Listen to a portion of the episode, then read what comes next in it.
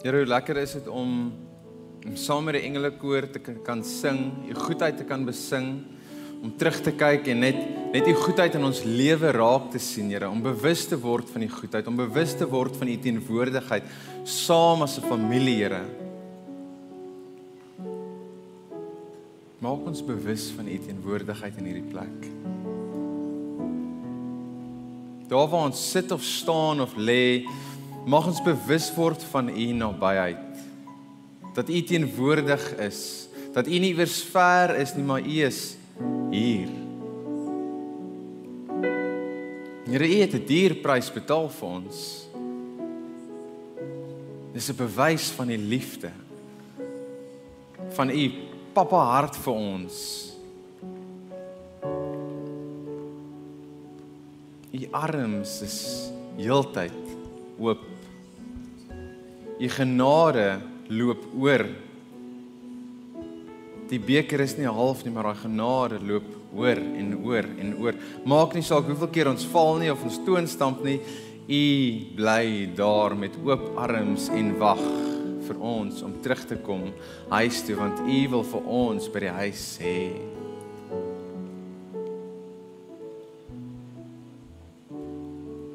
Dankie vir vandag, Here. Dankie vir nog 'n dag wat ons u goedheid kan besing. Ons loof en ons prys u naam. Amen.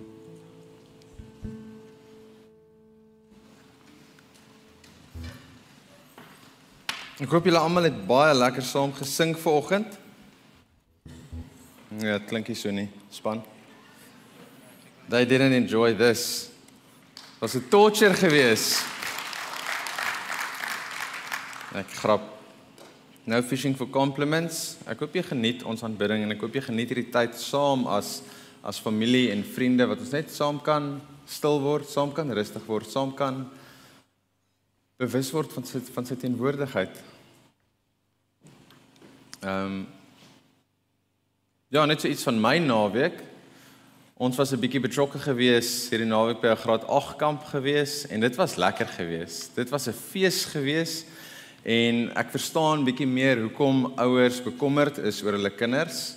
Ehm um, as jy hulle sien rond beweeg, meisies, hm, die ouens, hulle is soos aasvoëls rondom waar die meisies Dis iets verskrikliks, maar dit was 'n goeie tyd gewees en ouers, julle moenie bekommerd wees oor julle kinders nie. Hulle is veilig wanneer hulle by julle is, maar wanneer hulle uit die huis uit is, man, dan moet jy begin stres. Dan moet jy bid, dan moet jy op jou knieë bly. Ehm um, maar dit was lekker geweest. Dit was lekker geweest net om bietjie vir Corpus Christi te kan teenwoordig by 'n 'n tienerkamp wat nie wat niks met kerk te doen het nie. Dis 'n skoolkamp geweest en ons het maar net connect met die kinders, ek en Roan en Armand daarso. Ehm um, dit was sy eerste keer gewees saam met 'n klomp tieners en dit was vir hom 'n belewenis geweest. Dit was vir hom iets anders geweest om te beleef 'n klomp graad 8s wat 'n ander tipe spesies is. Kyk jy kry graad 7 kind en dan kry jy jou hoërskoolkind en dan kry jy graad 8 wat net soos nowhere is. Hulle flout en hulle probeer hulle self vind en hulle probeer cool wees en hulle probeer stem kry maar Dis iets iets om te beleef. Ehm, um, maar alle grappies op 'n stokkie. Ek het dit by Roan geleer die naweek. Alle grappies op 'n stokkie. Dis hy sê dit die hele tyd. Dis sy brein het afgeskakel en dan elke keer as hy praat, alle grappies op 'n stokkie en dan sê dit. Ehm um, so ons het ons het laas week het ons baie slegte nuus gehoor oor die nuus wêreldwyd het ons gehoor van die die aardbewing wat ehm um, Turkye en Sirië getref het. En dit was aklig geweest. Was nie lekker geweest om daarvan te hoor nie. Dit was nie lekker geweest om foto's en video's en te sien wat gebeur het in daai land in in die in die mense se lewens van Turkye en van Sirië. Ja, dit is nie ons familie nie. Ja, dit is nie ons vriende nie, maar dit is nie lekker om dit te sien en te beleef Ons het 'n normale dag gehad. Ons kinders het skool toe gegaan, ons was werk toe en daar hoor jy van hierdie groot natuurramp wat plaasgevind het en dit was iets verskrikliks geweest. Soos oor die 10000 mense wat gesterf het en ek dink die dodetal het intussen nog baie geklim ook. Maar as as jy net jou kop rondom dit was 'n 10000 kinders gaan vir die naaste 10 skole in jou omgewing 40 sê ek het, ek het in die week laas gelees 40 vir die naaste 40 skole in jou omgewing en dan besef jy dis hoeveel mense hulle lewens verloor het. Dit is iets verskriklik. Imagine Panorama uitgeroei, Tygerberg Hoërskool uitgeroei, Monte Vista uitgeroei. Dis verskriklik en dis drie skole en dit gaan groter en groter. En ek dink nie ek en jy besef wat 'n verskriklike ding daar gebeur het nie en dan is daar mense wat beseer is, mense wat moet recover na hierdie hele storie. Die trauma wat daar is, die ouers wat moet sit met 'n vrees, hoe gaan ek my kind grootmaak in hierdie omstandighede waarin ons self bevind? En en dan het die vraag natuurlik opgekom, waar is God in dit alles? Hoe kan sulke goed gebeur? En dan hoor ek van hierdie wonderwerk dat daar omtrent 300 000 babas is per jaar wat gebore word. Volkome gesonde kindertjies. Wonderwerk stories, hoendervleis stories, ouers wat lank gewag het. En dan dink jy God was beslis in daai storie gewees. God was daar teenwoordig gewees. En dan sit jy dalk hier vandag en jy sit vir jare in in 'n huwelik waar jy mishandel word, waar jou kinders mishandel word, waar dit net walglike omstandighede eintlik in die huis is. Dis nie lekker nie. En jy bid en jy pleit en jy smeek, jou situasie verander nie, die om, omstandighede rondom jou verander nie. Jou kinders raak net al hoe slegter af. En jy probeer weer en jou volgende huwelik is nie veel beter nie. Hy slaan jou dalk nie, maar Hy's nie teenwoordig nie. Hy's nie daar nie. Hy's nie die man wat hy moet wees nie. En jy vind jouself die vraag vra waar is God in dit alles? En dan kyk jy na die persoon langs in jou en jy kyk hoe mooi hy lyk. Jy kyk na sy klere. Jy sien daar's darem 'n ma en 'n pa betrokke in hierdie gesin. Jy sien iemand wat floreer en jy dink by jouself God is seker in sy storie. God is seker betrokke in daai persoon se lewe. Ons sit hier in die kerk en ons vra die vraag: Waar is God in dit alles? Van ons sit met seer, ons sit met vrae. Ons kom nou deur 'n pandemie En ek sal dit weer sê, ek hou nie daarvan om te praat oor die pandemie nie, want dit was 'n lekker tyd gewees nie. Dit is nie lekker om terug te verwys na dit nie. Maar dit is 3 jaar van ons lewe wat man, dit was aklig geweest. Jy's daar was great tye geweest. Maar ons sien nou nog die nagevolge. Finansiële nagevolge, mense wat sukkel. Mense wat nie gesond is nie. Huwelike wat gebroke is as gevolg van ons land trek swaar. En jy vra jouself die vraag: Waar is God in dit alles? En as jy my gaan toelaat, gaan ek nog 'n storie vertel. En dit is Daar's 'n Hoekom hy lyk nou vaderland? Ek dink is omdat dit so naby aan my vrou is.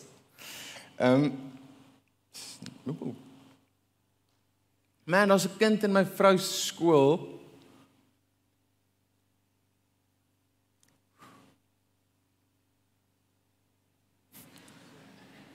Dis oké. Okay. Ek's oké. Okay.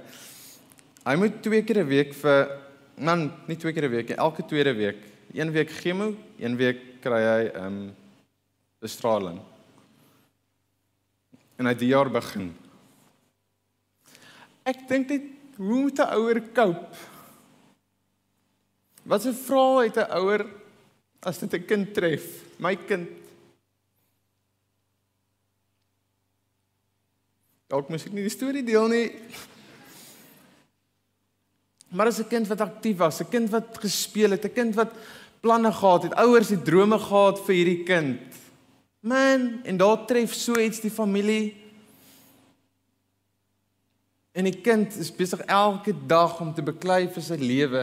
En die ouers is elke dag en ek hoop hulle bid en ek hoop hulle het 'n groep wat saam met hulle bid. My elke dag om te beklei en sekerlik te vra waar is God in dit. Want dit voel nie of hy betrokke is nie. Ek sien hom my skoonma en ek dink is haar trane wat sommer deurkom wanneer sy so 'n storie vertel en hy self dood. Ehm um,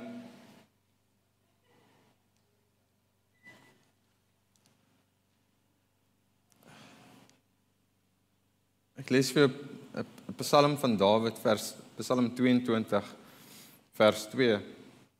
My God, my God, waarom het U my verlaat? Waarom is U ver daarvan om my te verlos? Ver van woorde wat ek uitskreeu. My God, ek roep bedags, maar U antwoord nie. Ook snags, maar daar is geen rus vir my nie.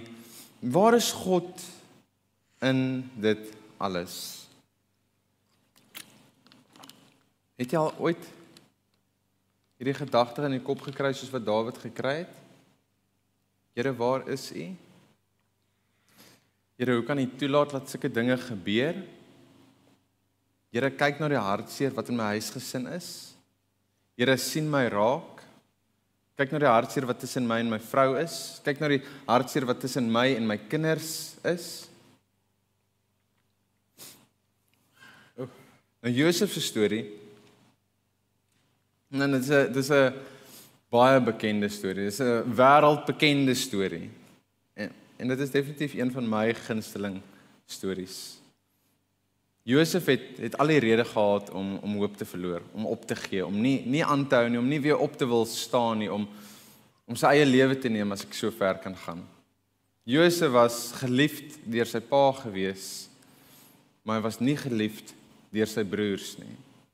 Hulle het hom gehaat En as gevolg van daai rede wou hulle hom doodgemaak het. Hulle wou nie gesien het dat hy asemhaal nie. Hulle wou nie gesien het dat hy deel is van hierdie gesin nie. En wat doen hulle? Hulle wou hom doodmaak, maar hulle het nie. Hulle het hom verkoop as 'n slaaf. Gaan suffer verder, gaan suffer op 'n ander plek, maar ons wil jou nie sien in ons huis nie. Jy's nie ons broer nie. Jy's nie werd om ons broer te wees nie. En ek is seker daarvan Josef kon gevra het, "Hoe laat God toe dat so iets gebeur?" En die slawe vat hom toe en hulle verkoop hom verkoop hom aan Potifar en, en dan lees ons in Genesis 39 vers 2 en sê hy die Here was baie naby aan Josef, hoor mooi, en dit het goed gegaan met hom. Dit het goed met hom gegaan. Hier's Josef. Sy lewe is gespaar. Hy's verkoop as 'n slaaf. Want vers 39 lees ons dit het goed gegaan met hom. Hy deel met verwerping, hy deel met seer. Hy het hoekom vra, maar dit gaan goed met hom. Want ons lees die Here was naby aan hom gewees. Is Josef besig om te floreer, te flourish en weelde te leef? Lyk dit asof hy die beste lewe ooit het? Is dit 'n bewys van Jesus God wat by hom is? Nee. Die Here is met hom daar waar hy seer het, daar waar hy in pyn is, daar waar hy stikkend is, daar is die Here by hom. Waar hy op sy laagste is. Wel, hy het gedink dit is sy laagste. En so gaan hy aan met sy daaglikse rotine as 'n slaaf. Hy doen taakies hier en hy doen taakies daar en toe kom maar hierdie vrou Potifar en sy knie alter hom. Man, sy wil hom hê. Hy's 'n mooi man, hy's 'n aantreklike man en sy wil hom vashou en sy wil hom soen en sy wil hy hy moet in haar bed kom lê. En hy doen dit nie. Hy doen dit nie. Hy sê keer op keer vir haar: "Nee, bly weg. Moenie naby my kom nie. Ek kan dit nie aan my baas doen nie. Bly weg van my af." En eventually toe vervies sy haarself so, toe raak sy so kwaad vir hierdie nee antwoord van Josef dat sy hom aankla, vals beskuldig en hy word in 'n tronk gegooi. Weereens. Daar gaan Josef. He tried. En ek is seker daarvan uit my mond sou gesê het, "Come on, Here. Ek probeer. I'm trying, yeah." Ek hang aan 'n tou. Geef vir my 'n bietjie iets meer.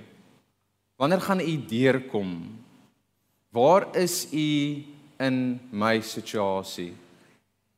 En dan lees ons terwyl hy in die tronk sit Genesis Genesis 39 vers 21 staan Die Here was saam met Josef in die tronk. This beautiful. Hy was nie buite die tronk nie, hy het nie vir hom eers gewag nie. Die Here was saam met Josef binne in die tronk. En ons voel baie keer wanneer dit sleg gaan met ons dat die Here ons verlaat het. Maar as dit sleg gaan, beteken dit nie hy het jou verlaat nie. As jy iemand aan die dood afstaan, beteken dit nie die Here is kwaad vir jou nie. As iemand siek raak of iemand worstel met 'n siekte, beteken dit nie die Here het sy rug op jou gedraai nie. As 'n natuurramp die wêreld tref, beteken dit nie God is nie teenwoordig nie. Dit beteken nie dat hy links en regs mense nou op hierdie oomblik straf nie. Dit is nie ons God nie. Ons God is die een wat by ons sit in ons seer. Ons God is die een wat by ons sit terwyl ons in die tronk sit. Hy sit by ons wanneer ons sukkel met depressie. Ons God is die een wat by ons sit terwyl ons deur 'n egskeiding gaan en sy hart breek vir dit wat jou hart breek. Dis nie vir hom lekker om te sien wanneer jy stikkend is nie, wanneer jy sukkel, wanneer jy plat getrap. Dis nie vir hom lekker nie. Hy sit stil by jou. Hy vang jou trane. En sy arms is oop. Nadat Josef so 'n paar jaar in die tronk spandeer het, het sy storie begin draai. En God het saam met hom gesit in daai donker gat. Hy was nie alleen gewees nie. Toe was Josef geroep om die koning se drome uit te lê en daarna was hy self deur die koning aangestel om oor Egipte te heers. Hy het aangehou en hy het aangehou. Hy het opgestaan, hy het weer probeer. En hy was bewus van die Here wat by hom was. En ek wil jou vanoggend aan hierdie kom herinner. Waar is God in dit alles? God in alles. Ek weet nie of jy al agtergekom het hoe vinnig ek en jy is om vinger te wys nie. Of na ander mense, maar die maklike een is natuurlik na God. Wanneer dit nie goed gaan nie, wanneer dit sleg gaan. Dis maklik om vir God te blameer, want God is die almagtige een. God is die een wat oral teenwoordig is.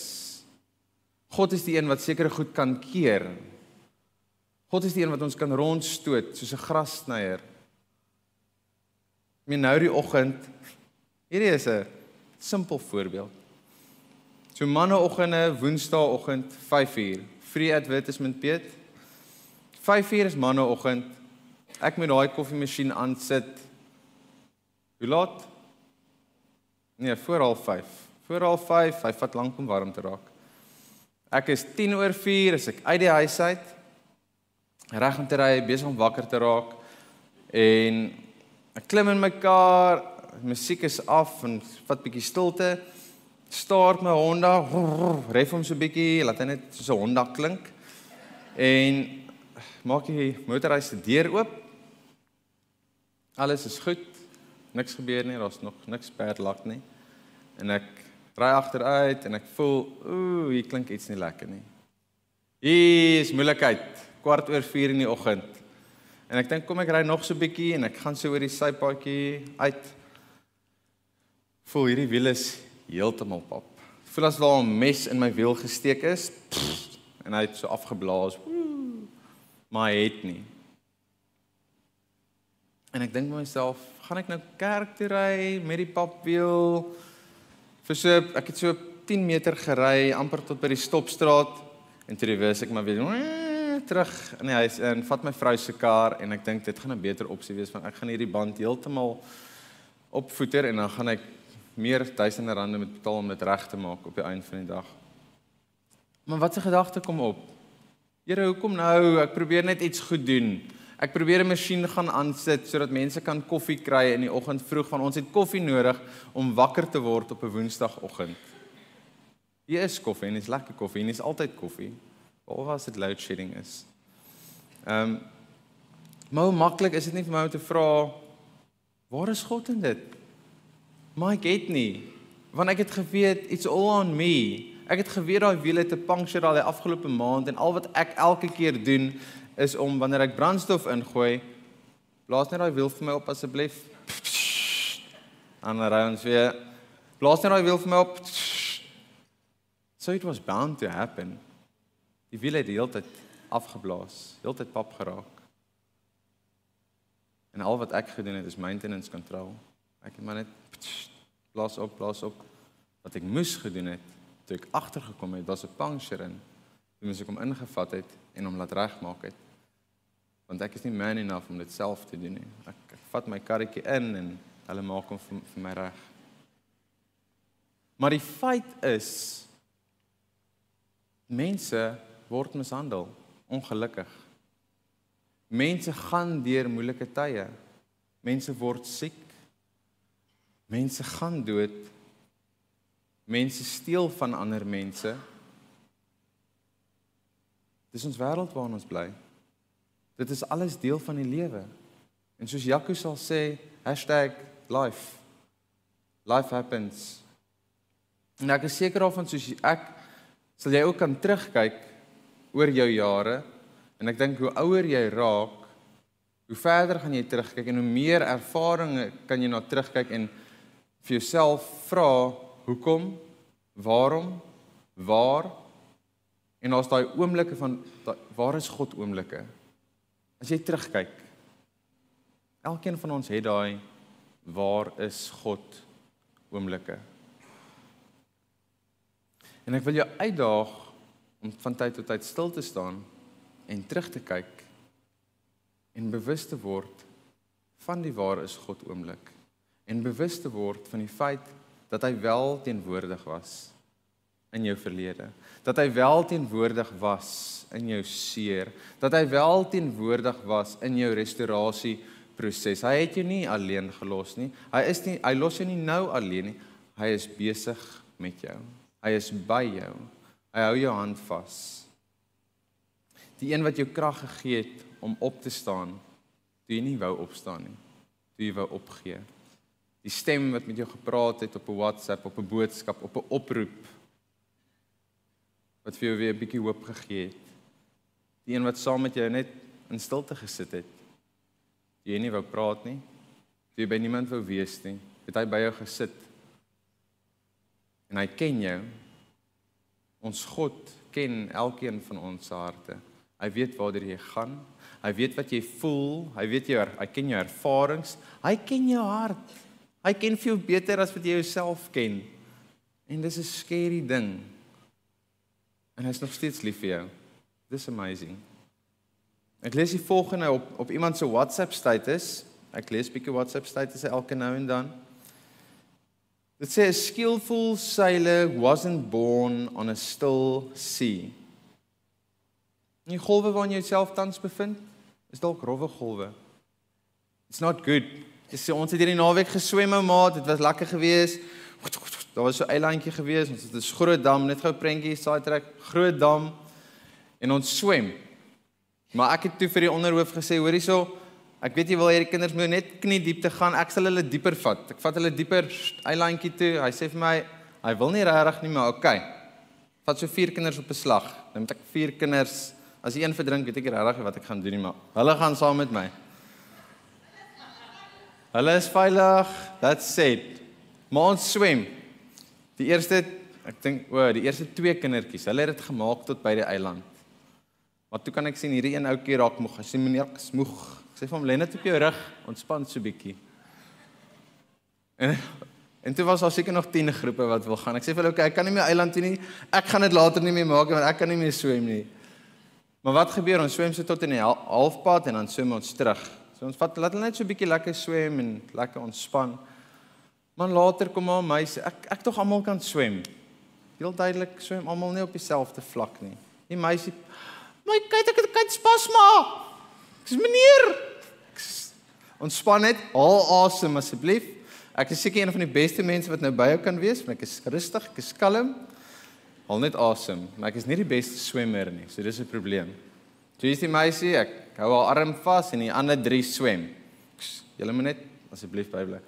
Man ons swem seker nog so 10 meter aan. Hier is die ander ou. Meneer help, ek kan nie meer swem nie. Nou sit ek met twee. En toe eventually, toe moet ek sê, "Help, ek kan nie, ek kan hulle hou nie." En toe kom hulle gelukkig en die kinders is veilig, almal is veilig, everything is good.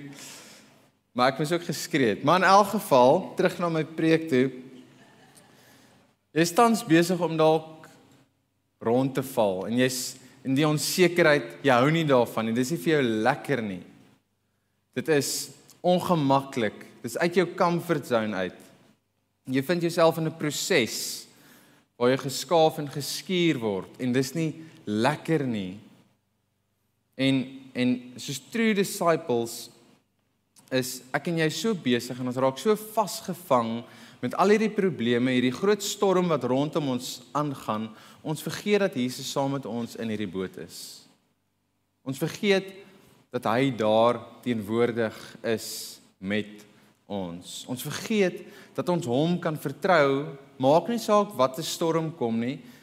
Maak nie saak wat gebeur nie, maak nie saak of jy 'n kuitspasma of 'n spierspasma of jy nie meer kan swem nie. Hy is by jou. Hy is saam met jou in hierdie boot. En hy is groter as Hy's groter as jou probleme. Hy's groter as daai siekte. Hy's groter as jou finansies. Hy's groter as gesondheid waarmee jy struggle. En mag ons in elke storm wat daar is. Want man, daar gaan nog storms kom. En in elke storm wil ek jou aanmoedig om om dit te sien as 'n geleentheid om te groei, om meer bewus te raak van hom, om jou vertroue meer in hom te plaas. Mag dit nie net 'n geleentheid wees wat jou plat slaan en eventually staan jy op en jy het niks geleer daaruit nie. Mag dit 'n geleentheid van van groei wees. Johannes 14 dan praat Jesus met sy disippels. Hy sê ek sal met die Vader praat en hy sal vir julle 'n spesiale helper stuur. En hierdie helper ken net een pad en dit is die pad van die waarheid. Ek praat natuurlik van die Heilige Gees. Die Gees sal julle nooit alleen los nie, maar oral by julle wees. Julle sal gou die Gees in julle lewe herken want hy sal heeltemal deel word van julle. Hy sal nie net by julle wees nie, maar ook in julle. Die sondige mense sal egter nie eens weet wie die Gees is, dat die Gees daar is nie.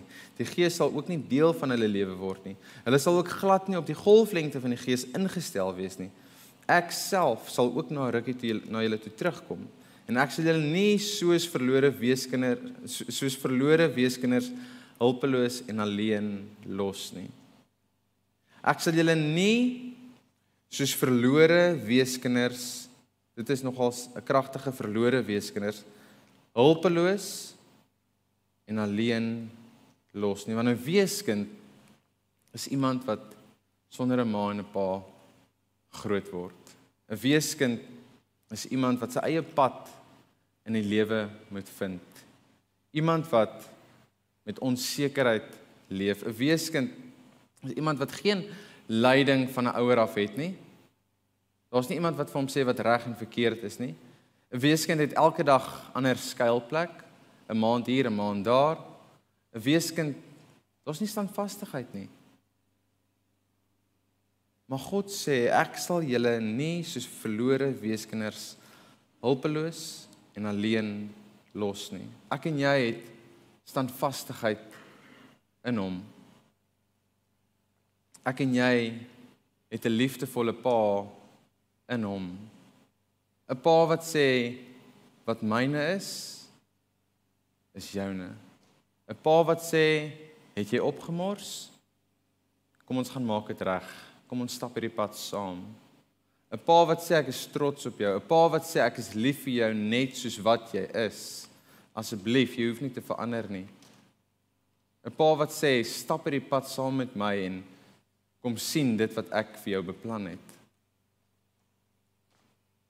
Hy is ons skuilplek. Psalm 91 lees ons, as jy na die allerhoogste God toe gaan dat hy jou moet oppas, kan jy van een ding seker wees. Die almagtige God sal jou bewaar. En jy kan vir die Here sê, U beskerm en bewaar my. U is my God op wie ek vertrou. Jesus kom en hy hy herinner ons die Gees is nie net by ons nie, maar die Gees leef hier binne ons. Jesus is nie iewers ver besig met iemand anders en hy los jou nou alleen nie. Hy is 24/7 beskikbaar. Hy is 24/7 hier binne in jou. Jesus is nie dood nie. Jesus het die dood oorwin. Hy het opgestaan. Hy het teruggegaan na sy Vader toe, maar het ons nie alleen gelos nie. Hy het die Gees gestuur om binne ons te kom woon. Maak nie saak wat rondom jou gebeur nie. Maak nie saak wat 'n pandemie tref nie. Maak nie saak wat 'n natuurramp tref nie. Niks kan daai goeie nuus verander nie. Daai goeie nuus is set in stone en 'n gebreekte steen wat weggerol is van 'n graf af. Jesus het die dood oorwin en dit is waarin my en jou hoop lê in 'n persoon in iemand in 'n lewende God. So as ek vir jou die vraag vra, waar is God in alles? Sê asseblief vir my die volgende. In alles is hy binne my. OK. Maak nie saak wat se storm jy gaan nie. Maak nie saak hoe baie hoekoms en waaroms jy vra nie. Raak net bewus van sy teenwoordigheid binne in jou. Kom ons bid saam.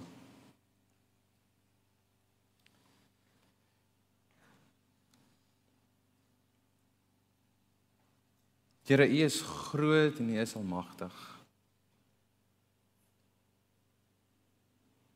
En lewe is nie mak maklik nie. Lewe is moeilik.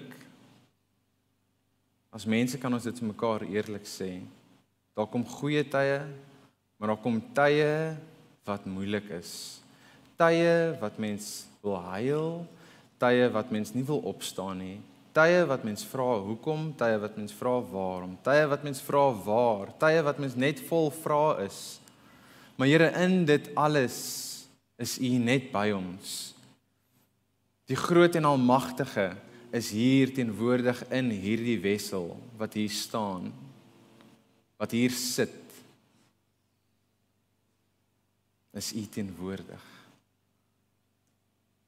Dankie dat U lief is vir ons. Dankie vir tweede kansse. Dankie vir nuwe krag. Dankie vir hoop. Mag ons so gevul word met u gees. Dat ons hier gaan uitstap vol moed met nuwe hoop. Met 'n nuwe uitkyk op lewe. Met die wete Here dat u binne ons is. Elke persoon wat hier sukkel ver oggend, wat sê ek sukkel met hierdie vraag. Ek sukkel met my omstandighede. Here, ek vra vir rustigheid. Ek vra vir vrede. Ek vra vir u hand oor hulle en ek vra vir bewuswording van u gees binne ons. Dis my gebed in Jesus naam. Amen.